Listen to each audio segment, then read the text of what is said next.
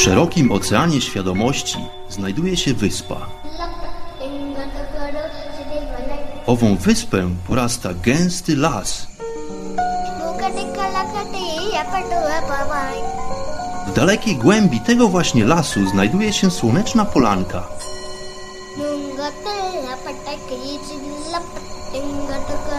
Przy tej oto polance w gorących promieniach słońca stoi sobie pewna magiczna chata.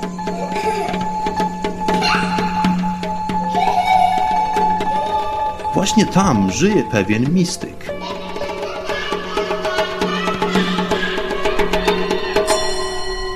Mam na imię Bart i zapraszam wszystkich serdecznie do wysłuchania programu Chata Mistyka.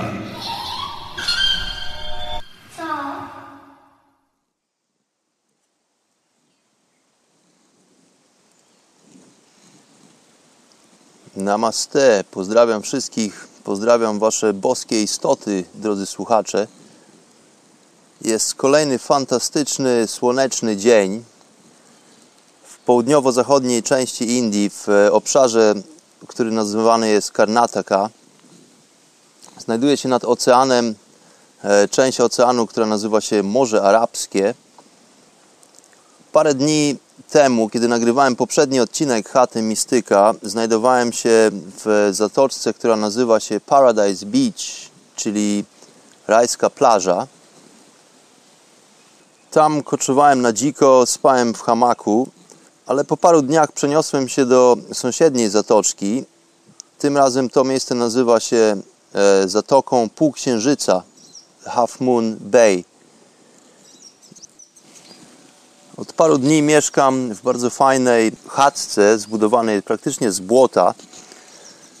Nie ma tu prądu ani wody, ale jest wspaniale. Wodę muszę przynieść sobie ze studni za każdym razem, kiedy gotuję czy chcę umyć naczynia.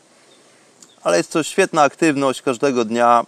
Naprawdę chodzenie na bosaka w samych e, kąpielówkach w tym skąpanym słońcem świecie jest przepiękną sprawą. Chatka jest bardzo prosta, aczkolwiek bardzo przestrzenna. Znajduje się w niej jedynie podwójne łóżko i parę wiszących półek, także bardzo minimalistyczny ambience. Aczkolwiek to wszystko mi wystarcza do szczęścia. Przed chatką znajduje się małe palenisko, na którym to gotuję sobie codziennie posiłki na ogniu. Klimaty dosyć wiejskie. Jest to mała zatoczka, która otoczona jest przepiękną, soczystą zielenią dżungli porastającej tutaj ten obszar.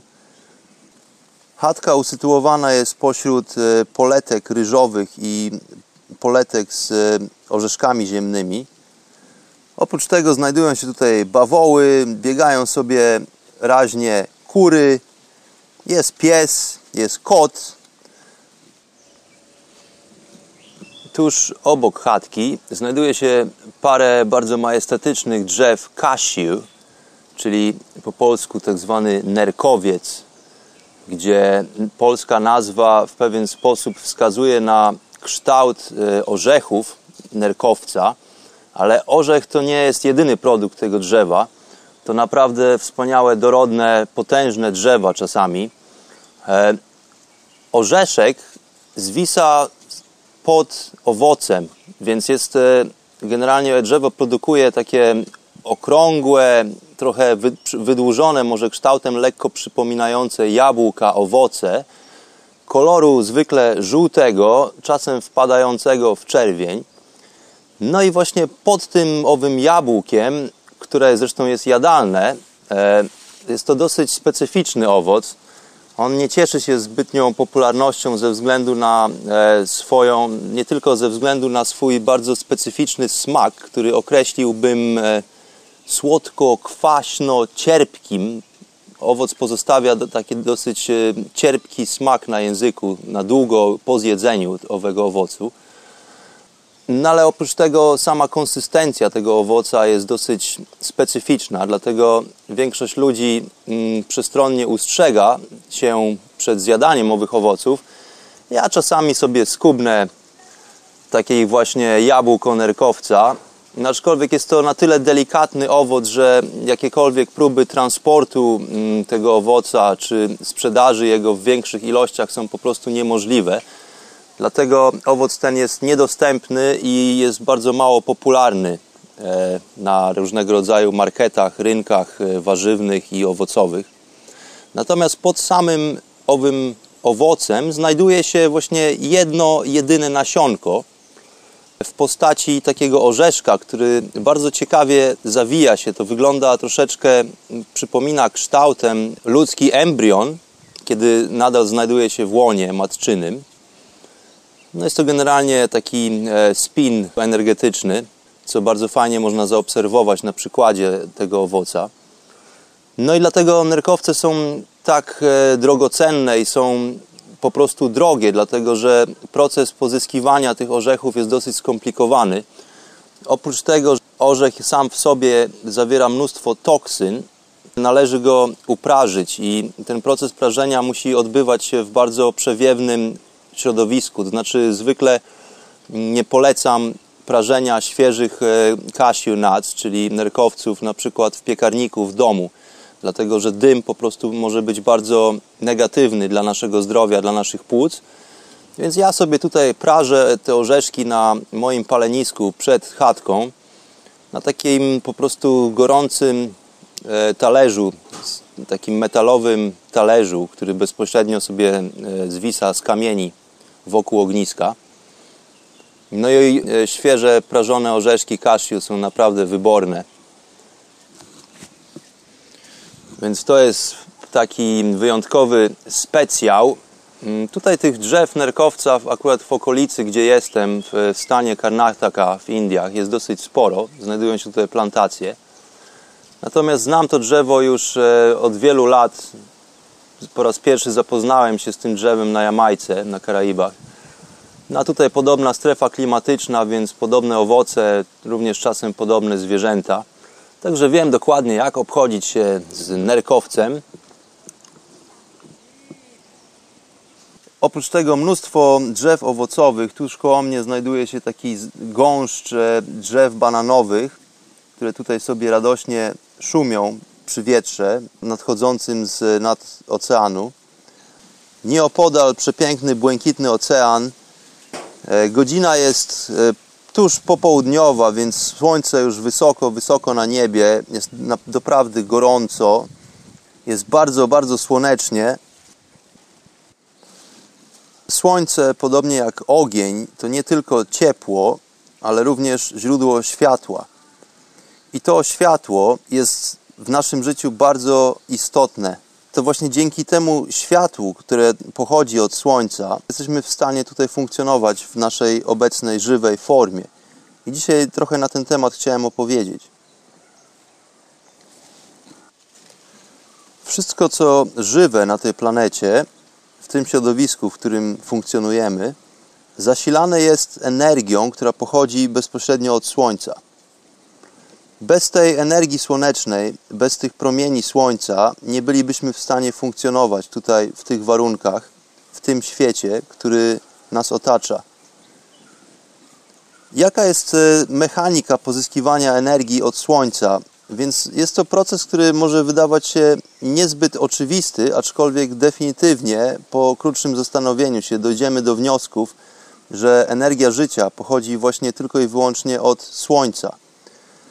Dlatego, że jaka jest e, sama mechanika procesu pozyskiwania energii z pożywienia?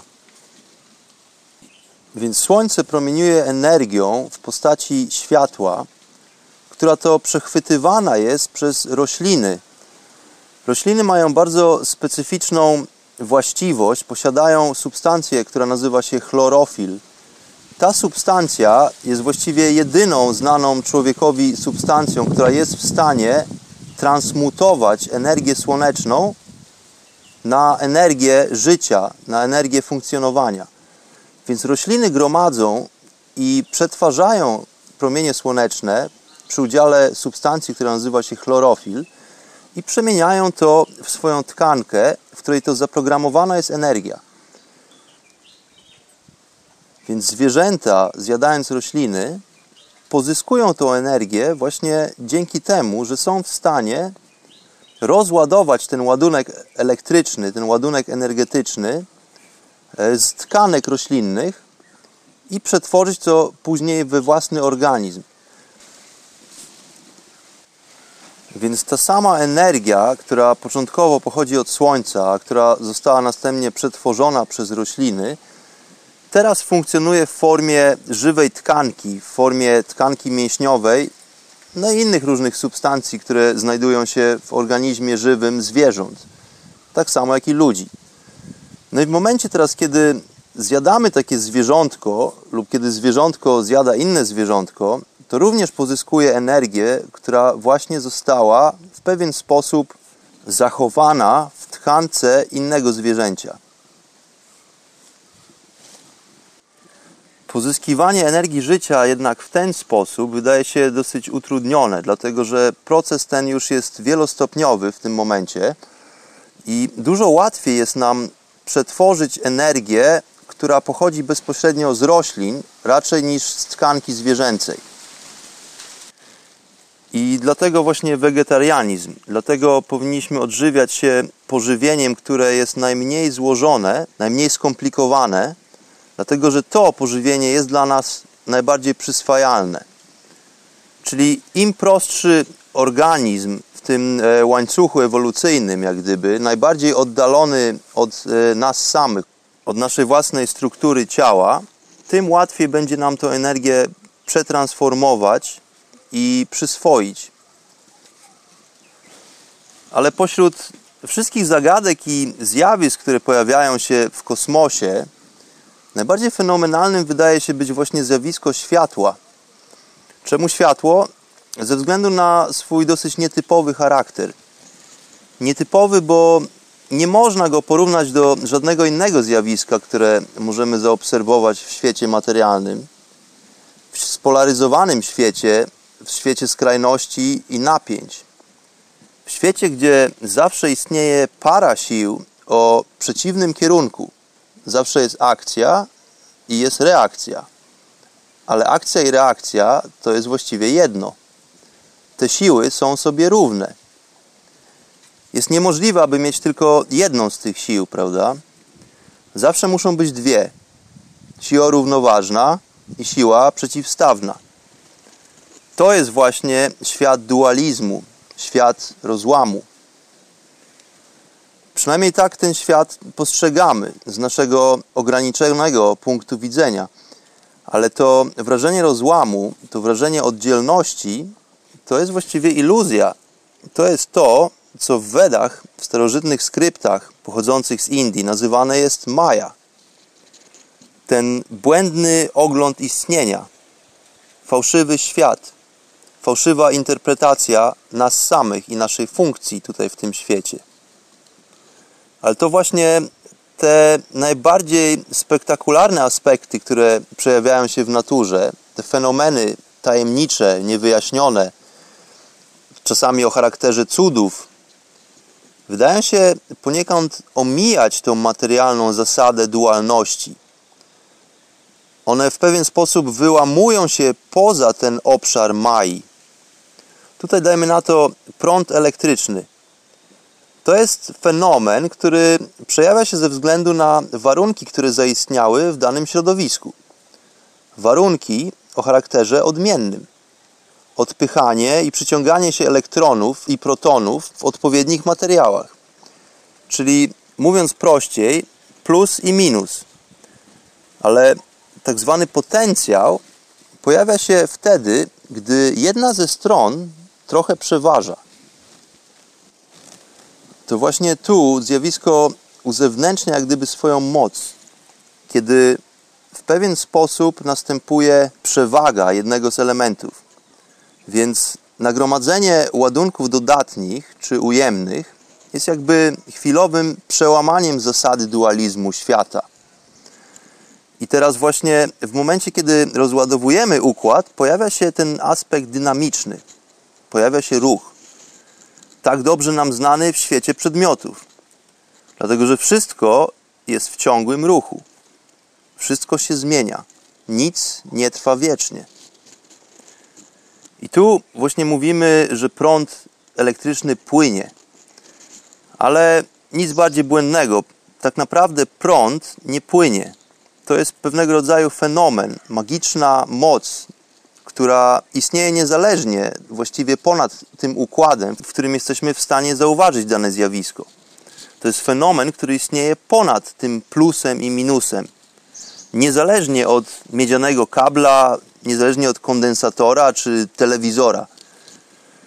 My tylko powodujemy warunki, w których możemy zaobserwować, czy też nawet wykorzystać tą moc. Tylko dlatego, że ma ona po prostu ochotę częściowo zamanifestować się w świecie napięć i materii, czyli w świecie, w którym żyjemy. Ale to samo zjawisko jest jak gdyby ponad tym wszystkim. Ono istnieje niezależnie od tego, czy my będziemy wykorzystywać to zjawisko, czy będziemy w stanie zauważyć to zjawisko, czy będziemy brali udział w tym całym procesie. Ta moc istnieje poza światem rozbieżności, poza światem napięć. Dlatego nauka ma potężne problemy z określaniem zjawisk, które wykraczają poza nasze zmysłowe poznanie. Uzyskanie uniwersalnej formuły, która działa w każdych okolicznościach, wydaje się być w tym przypadku niemożliwe. No ale ta uniwersalna formuła to jest właśnie to, o czym mowa jest, kiedy opisywany jest tak zwany kamień filozoficzny. Moc, którą włada alchemik, czyli osoba wtajemniczona w totalność, w totalność procesów funkcjonowania tego stworzenia. I to właśnie wtedy, kiedy to moc twórcza i zdolność manifestowania przedmiotów i zjawisk jest równoważna z intencją, to właśnie wtedy pojawia się alchemia. To jest właśnie owy kamień filozoficzny, owa uniwersalna formuła, która jest w stanie transmutować wszystko w nic i nic we wszystko. Zjawiska grawitacji czy prądu elektrycznego są znane od wieków, ale czym ta grawitacja i prąd właściwie są, to może pojąć, wydaje się, bardzo niewielu. I właśnie światło jest taką fenomenalną, a zarazem odmienną rzeczą, która również ciężko jest pojąć, ale jest to również coś, czego my, jako żywe stworzenia, nie możemy ignorować. Jest to fantastyczny fenomen, bez którego nie moglibyśmy funkcjonować. Fenomen, który ma zgoła odmienne właściwości do pozostałych. Z jednej strony posiada materiał budulcowy, czyli cząstki, z których się składa, czyli tak zwane fotony, a z drugiej strony światło poniekąd zachowuje się jak fala. Przejawia się w swojej ciągłości, jak gdyby. Poniekąd w pewien sposób ustanawia bezruch, czy też charakter tego światła posiada cechy pewnego rodzaju bezruchu. Przeciwieństwie do fali dźwiękowej, na przykład, która, aby zaistnieć, potrzebuje powietrze lub inny materiał przewodzący, na przykład woda, czyli po prostu środowisko, światło przemieszcza się swobodnie poprzez próżnię kosmicznej przestrzeni, przez galaktyki i przestrzeń międzygwiezdną i nie potrzebuje żadnego nośnika. Tutaj, mówiąc o pionierach fizyki i metafizyki światła, muszę oczywiście wspomnieć postać Alberta Einsteina, który to borykał się z problemem światła w swojej usilnej próbie zdefiniowania świata w swojej teorii względności. E, czy Einstein zasługuje na miano geniusza lub nie, to nie będę dzisiaj na ten temat się rozwijać.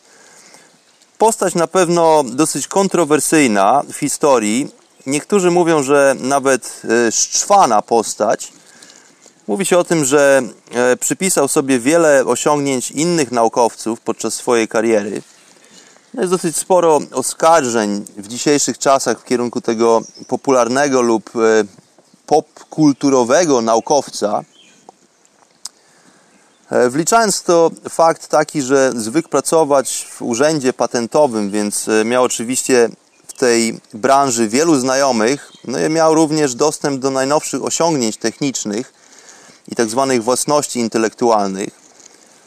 No i niektórzy uważają, że właśnie dzięki temu udało mu się wypromować w tej drabinie mm, akademickiej, w tej drabinie naukowców i wynieść do samego szczytu kariery. No ale oprócz tego Einstein był dosyć mocno promowany i sponsorowany również przez paru możnowładców tego świata. Więc na pewno historia dosyć kontrowersyjna. W każdym razie teoria względności, która miała opisywać wszystko w postaci jednego finalnego równania, no pozostała tylko teorią właściwie. Zresztą sam Einstein pod koniec życia, pomimo swej popularności, przyznał się poniekąd do porażki w pewien sposób. E, próbował się nawrócić i gorączkowo pracował nad e, połataniem swojego systemu pełnego dziur i nieścisłości. Problemem było to, że ta jedna zasada opisująca wszystko, ten jeden totalny wzór, który miał opisywać wszystko, wszystko zrazem w skali mikro, jak i w skali makro, no i z tym nie było za bardzo problemu, ale było to kompletnie bezużyteczne w przypadku próby wykroczenia poza właśnie to wszystko, czyli kiedy próbował opisać nic, czyli kiedy próbował opisać pustkę, czyli na przykład tak zwane czarne dziury w kosmosie. W tamtych czasach y, Einstein nie był jedynym naukowcem pracującym nad fenomenem światła. Oczywiście pojawiła się nawet w tym czasie pewna ogólna teza, która to zapędziła wielu nieuważnych naukowców y, w tak zwany kozi róg. Była to mylna interpretacja definicji, pewnej definicji, która to pojawiła się na przełomie wieków w środowisku naukowym, a była to definicja tak zwanego eteru.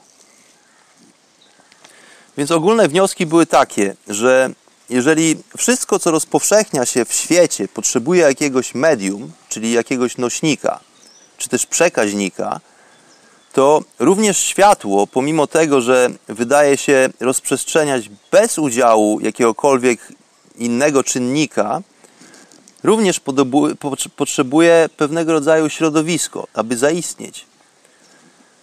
No i aby ogarnąć to zjawisko w sensie intelektualnym, wymyślono hipotetyczną przestrzeń, w której to rozpowszechnia się między planetami światło. I tą teoretyczną przestrzeń nazwano sobie właśnie eterem. Na tymczasem eter to jest słowo wywodzące się z sanskrytu, czyli pochodzi bezpośrednio z Indii, z pradawnej kultury. A historia jest e, taka. Na przełomie wieków pewien wybitny jogin, Swami Vivekananda, udał się z misją rozpowszechnienia mistycznej wiedzy z Indii do Stanów Zjednoczonych. Mnich Swami Vivekananda był osobą światłą i bardzo skrupulatnie przygotowywał się do swojej misji latami.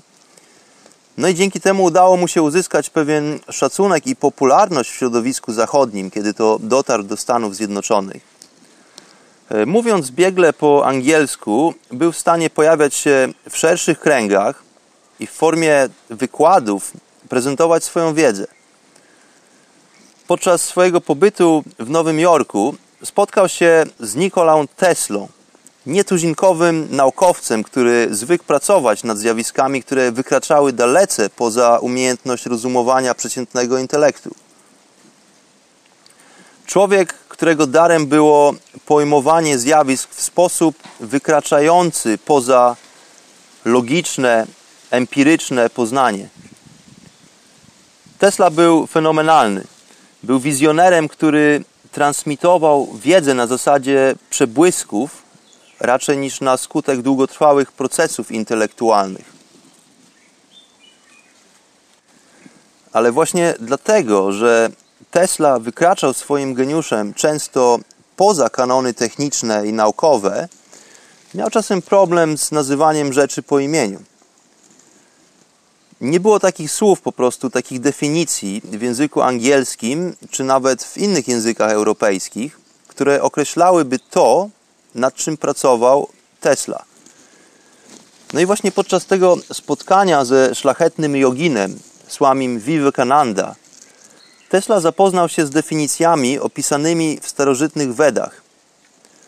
Weda oznacza mądrość. Jest to pradawna mądrość, która w formie skryptów została przechowana w Indiach od tysięcy lat. Jedną z tych definicji była właśnie akasha lub akash, czyli inaczej eter. To obszar niebytu.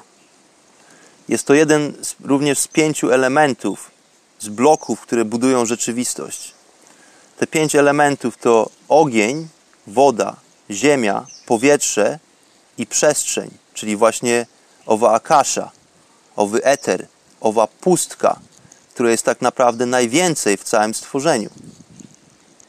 Pustka, której nawet w samym stworzeniu jest proporcjonalnie więcej niż samego bytu. Dlatego, że na przykład jeżeli popatrzymy sobie na proton i elektron w budowie atomu, to ten proton i elektron w stosunku do jądra atomu oddalone są tak naprawdę, można by powiedzieć, o lata świetlne. A pomiędzy tymi cząsteczkami jest pustka, jest nic, jest przestrzeń, jest cisza, stabilność. Tak samo zresztą wyglądają gwiazdy w przestrzeni kosmicznej, które oddalone są od siebie o wieczność. A pomiędzy więcej przestrzeni niż samych gwiazd, prawda? Więcej niczego niż tego czegoś właściwie. Więc jest to owa właśnie przestrzeń ponad przestrzenią. Jest to nadprzestrzeń lub hiperprzestrzeń. Ahoj, kapitanie, pozdrawiam przy okazji hiperprzestrzeni. Więc e, akasha, czyli stan niebytu, od którego to pochodzi i pomiędzy którą pojawia się istnienie. Ten nieograniczony potencjał, ta skarbnica nieprzebranej wiedzy, która zawiera informacje jak, gdzie i kiedy może zamanifestować się forma fizyczna, to jest właśnie eter.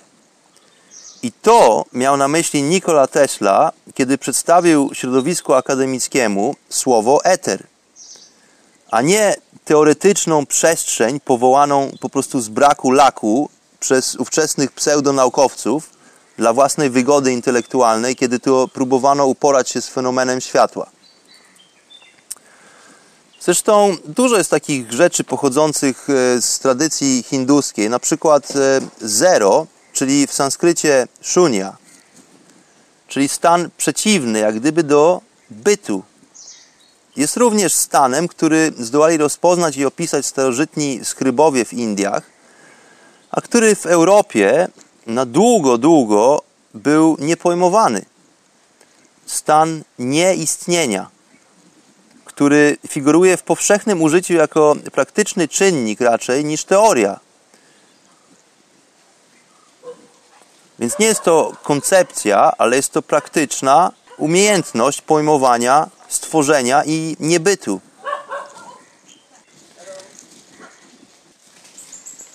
Bez zera, pomimo tego, że jest niczym, arytmetyka nie byłaby możliwa. Ale nawet Albert uprzytomnił sobie, że eter jako koncept, jako mylna interpretacja tego, o czym opowiadał Tesla, nie ma sensu. Dlatego, że jakakolwiek przestrzeń, w której to miałoby przemieszczać się światło, musiałaby mieć charakter geometryczny, czyli istnieć w zależnościach geometrycznych. A geometria to jest tylko domena świata przedmiotów. W niebycie, w przestrzeni bez przestrzeni, nie ma zależności geometrycznych, dlatego że nie ma geometrii. Tak więc światło pozostaje najbardziej subtelną manifestacją energii, również najbardziej swobodną formą, bo nie zależy od materii, tak jak inne manifestacje w naturze, jest to coś, co jak gdyby jedną nogą stoi w świecie materii, ale jest zanurzone tak naprawdę gdzie indziej. Ale w swych pracach Albert natknął się na coś jeszcze bardziej zaskakującego. Prędkość światła jest stała. Jest to cholernie szybka rzecz.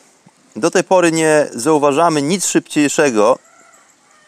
I na dodatek jest to prędkość, którą możemy zmierzyć i policzyć. I to właśnie było fenomenalne. I to właśnie ten fakt zdominował całą teorię względności Einsteina.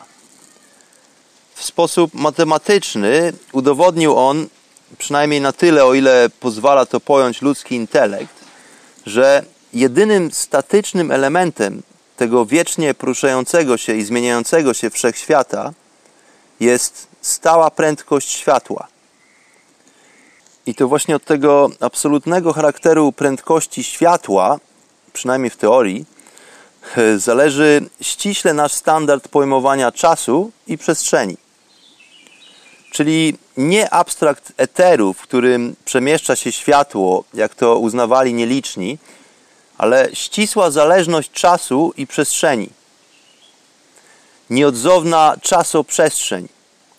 W sanskrycie to się nazywa kala, co jednym słowem określa pustkę, czas i przestrzeń. Jedno słowo, aby określić te wszystkie trzy stany. Więc w naszym ludzkim doświadczeniu czas i przestrzeń są zależne i mają charakter ograniczony, ale również pojmujemy je wyłącznie względem jedynego czynnika, który wydaje się mieć charakter stały. Więc dzięki temu jesteśmy w stanie coś przyrównać. I tym stałym czynnikiem jest właśnie stała prędkość światła.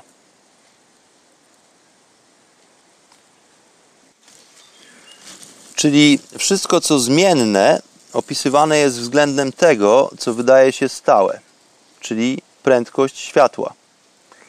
Dlatego teoria względności E równa się mc kwadrat. Ale to wszystko zauważone zostało tylko w warunkach ziemskich, w warunkach, gdzie istnieje materia. Na co z tą olbrzymią pustką, która to właśnie wypełnia wszystko pomiędzy tym, co jest? Co się dzieje w tak zwanych czarnych dziurach? I w tym właśnie tkwi cały szkopuł. Tutaj E równa się mc kwadrat za bardzo nie pasuje do tego wszystkiego. No i sam Albercik uprzytomnił sobie ten problem. Usilnie i żywiołowo pracował nad nową teorią. Teorią opisującą wszystko, a zarazem nic. wszystko i nic jednocześnie. W późniejszej fazie próbował przedstawić światu nową teorię, którą nazwał Unified Field Theory, co na polski można chyba przetłumaczyć teoria zespolonego pola. Nie jestem do końca przekonany, czy takie jest y, polskie tłumaczenie. Jeżeli ktoś zna nazwę tej teorii, to proszę mnie poprawić. Ale e, Albert swych prac nie dokończył, dlatego że po prostu zabrakło mu życia. No albo ktoś się postarał, żeby zabrakło mu życia, jak to często bywa, kiedy naukowcy są na tropie czegoś wielkiego, pojawiają się różnego rodzaju konspiracje. No w każdym razie Albercik wziął i umarł, e, ale zanim umarł, wskazał pewną esencję, która to wydaje się wspólna dla bytu i niebytu. Tą esencją jest owo pole, pewien stały czynnik, którym również cechuje się światło. Składa się z cząsteczek fotonów i porusza się, ale jednocześnie przejawia cechy pola owo światło, czyli w pewien sposób jest stałe. No i właśnie na tą esencję wskazał Albert Einstein, zanim wyzionął ducha. Einstein był również przekonany, że prawa elektromagnetyzmu i grawitacji są ze sobą ściśle powiązane i mogą być przedstawione w postaci matematycznej formuły, którą to nazwał właśnie teorią zespolonego pola. Zresztą dzięki tym matematycznym formułom Alberta zostały posunięte do przodu badania nad samym atomem, dzięki czemu naukowcy zorientowali się, że atom jest raczej energią niż samą materią. A na dodatek przypuszczenia, że energia atomowa jest ściśle powiązana z umysłem, okazały się trafne. To umysł dyktuje, na ile jesteś w stanie być, tudzież współistnieć z danym fenomenem. Tam, gdzie zjawisko wykracza poza możliwości umysłu, pojawiają się symbole. Tam, gdzie pojawiają się symbole, tam właściwie znikają naukowcy. Naukowcy nie są zainteresowani tym aspektem. Naukowcy nie chcą zajmować się symbolami, czymś, co wykracza poza logiczne rozumienie. Ale tam, gdzie istnieją symbole, bo nauka nie jest w stanie tego ogarnąć swoimi definicjami, tam pojawia się alchemik. Alchemik swym czystym, bezwarunkowym umysłem jest w stanie stransmutować symbole i zamanifestować je w świecie rzeczywistym.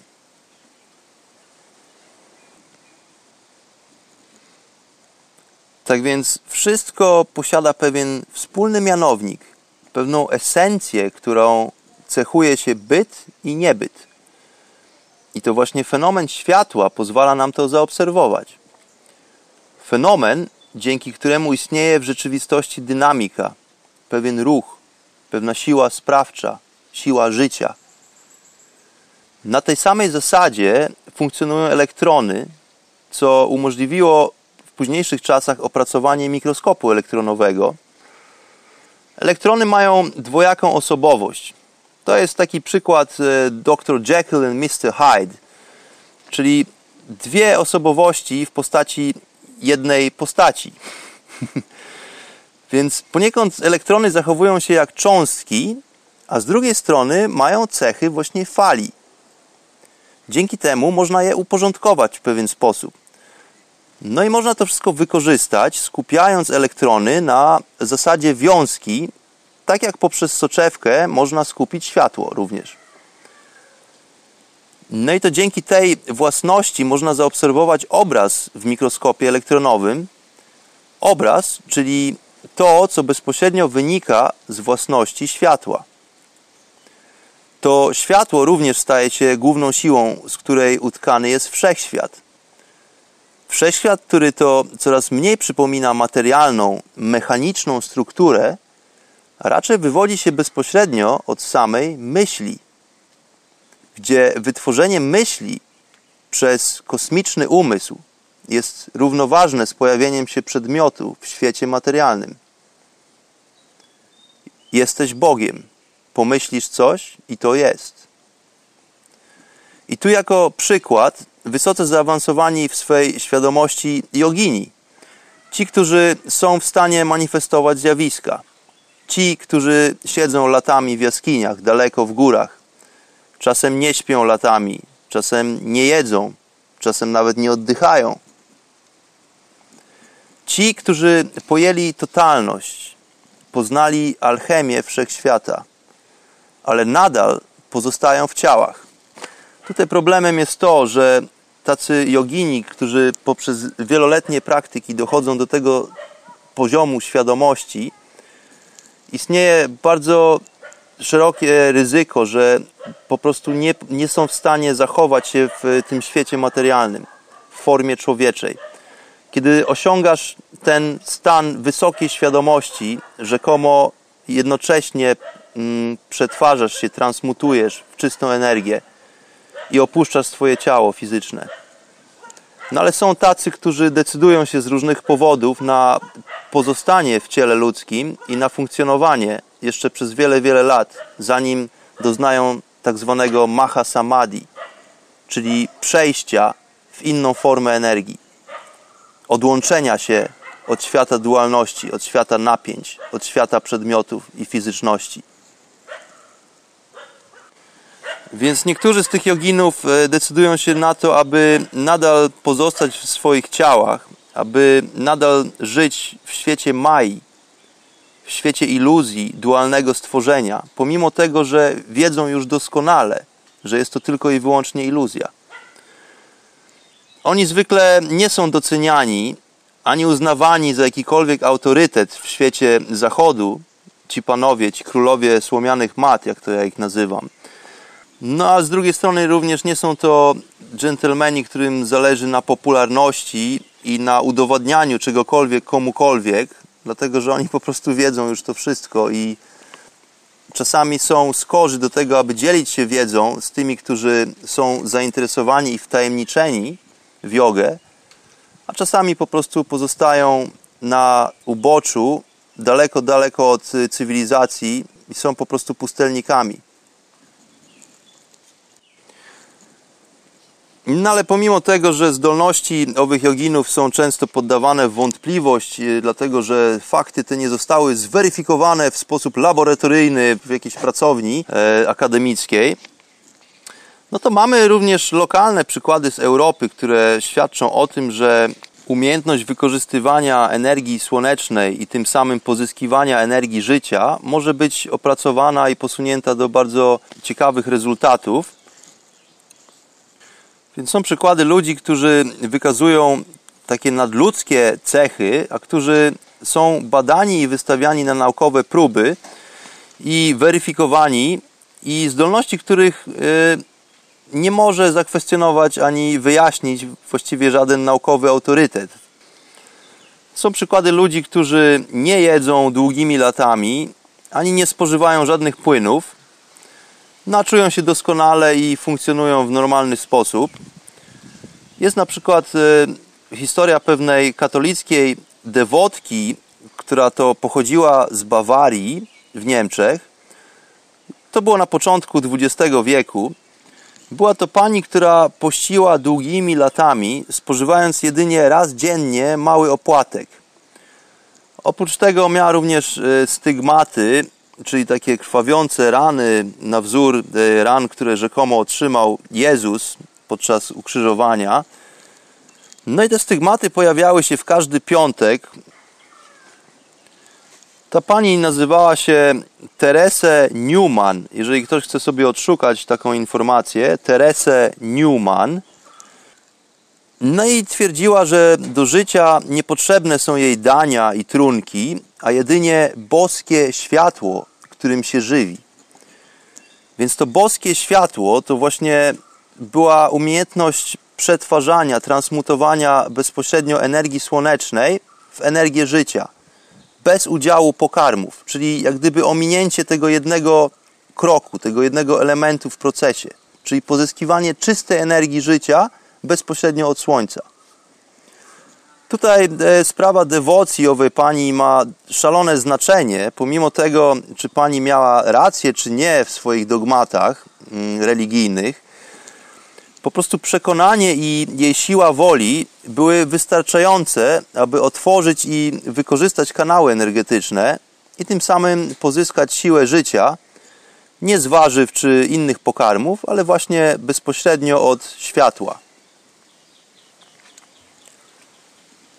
Jeszcze jeden e, przykład, który tutaj sobie zanotowałem, bardziej współczesny.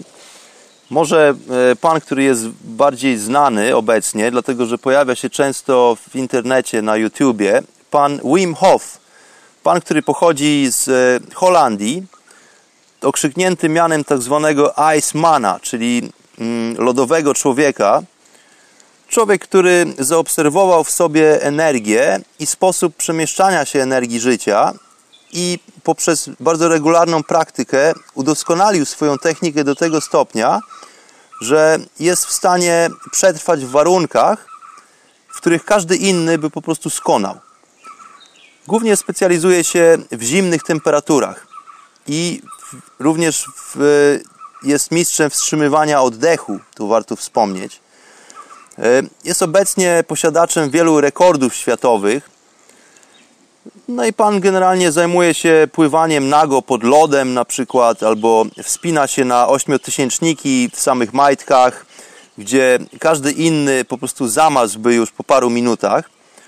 No a Wim Hof, stosując pewne krije, dlatego że definitywnie są to krije, techniki oddechowe, które wywodzą się bezpośrednio z jogi, udowadnia po prostu ludzkości, całemu światu, że umysł jest silniejszy niż warunki pogodowe.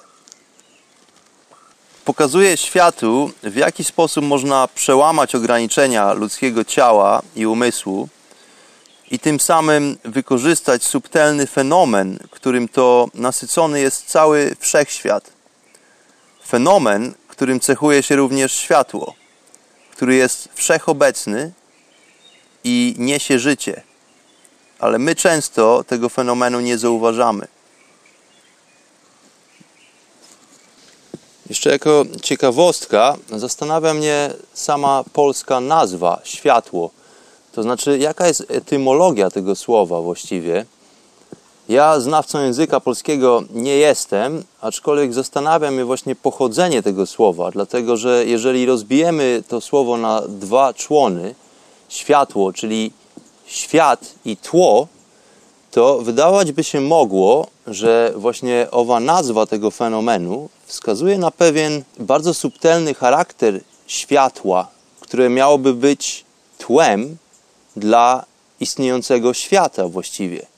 Czyli ta bardzo subtelna forma energii, która istnieje nie wprost, aczkolwiek w jakiś sposób w tle, a z drugiej strony uwarunkowuje całe istnienie świata, czyli tego, co powołane do istnienia, tego, co funkcjonuje w formie materialnej. No i oprócz tego e, zastanawia mnie mm, nazwa, czy też imię pradawnego pogańskiego boga Słowian, Światowida. Światowid, czyli ten, który widzi światło. Ten, który widzi światło, ale moim zdaniem nie światło jako optyczny fenomen, tylko jako właśnie ta bardzo subtelna forma, jako ta esencja, która przepełnia stworzenie, a ja również by, byłbym przychylny do stwierdzenia, że niebyt. Ten wspólny mianownik, który przejawia się w postaci pola. I tu również wspomnę, że wielu ludzi, którzy podejmują próby medytacji, poniekąd wyznaczają sobie jakieś cele, mają jakieś oczekiwania w stosunku do praktyki, co jest e, absolutnie błędne. Podejmując proces medytacyjny, nie powinniśmy oczekiwać niczego, a z drugiej strony powinniśmy być gotowi na wszystko. Wielu ludzi wysnuło dosyć błędne wnioski, że w, e, w głębokich stanach medytacyjnych powinieneś znaleźć się w świetlistości, w świetle, powinieneś być otoczony, tudzież przemienić się w światłość. To jest pewna mylna interpretacja znowu e, słowa, które pochodzi z sanskrytu. Słowa, które opisywało tego typu stany świadomości, tego typu stany pojednania z totalnością, stany bycia w unii z Bogiem, ze Stwórcą. A słowo, które raczej opisuje klarowność i totalny wgląd w rzecz, raczej niż fenomen optyczny, jakim jest e, ten aspekt światła, który to postrzegamy dzięki naszemu narządowi wzroku. Także moi drodzy, podejmując próby medytacji, czy też medytując, nie szukajcie światła, nie szukajcie również fajerwerków, tudzież różnych innych e, wybuchowych dowodów na to, że medytacja przebiega sprawnie. Tutaj wręcz przeciwnie, nie wyznaczajmy sobie w tym procesie medytacyjnym żadnych celów, nie próbujmy sobie ani nikomu innemu czegokolwiek udowodnić. Udajmy się w podróż, w której dystans nie ma znaczenia, ani jakiekolwiek efekty i rezultaty nie są tutaj istotne. A to, co ma się wydarzyć, nastąpi w sposób naturalny. A jeżeli nic się nie wydarzy, to też super. Czasami zdrowo sobie po prostu posiedzieć samym ze sobą w ciszy.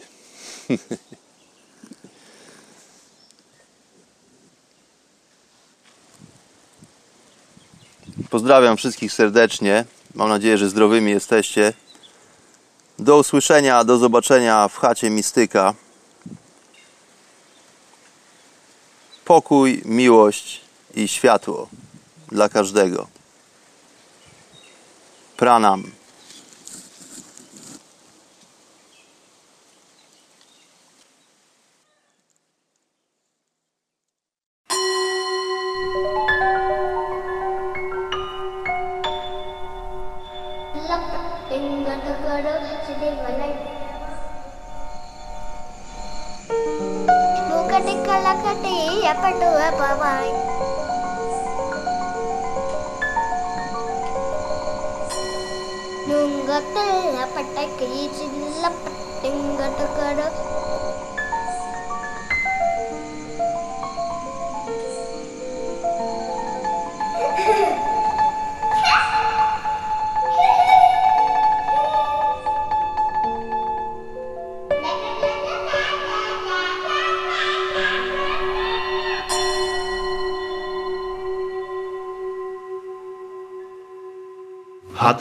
Chata mistyka.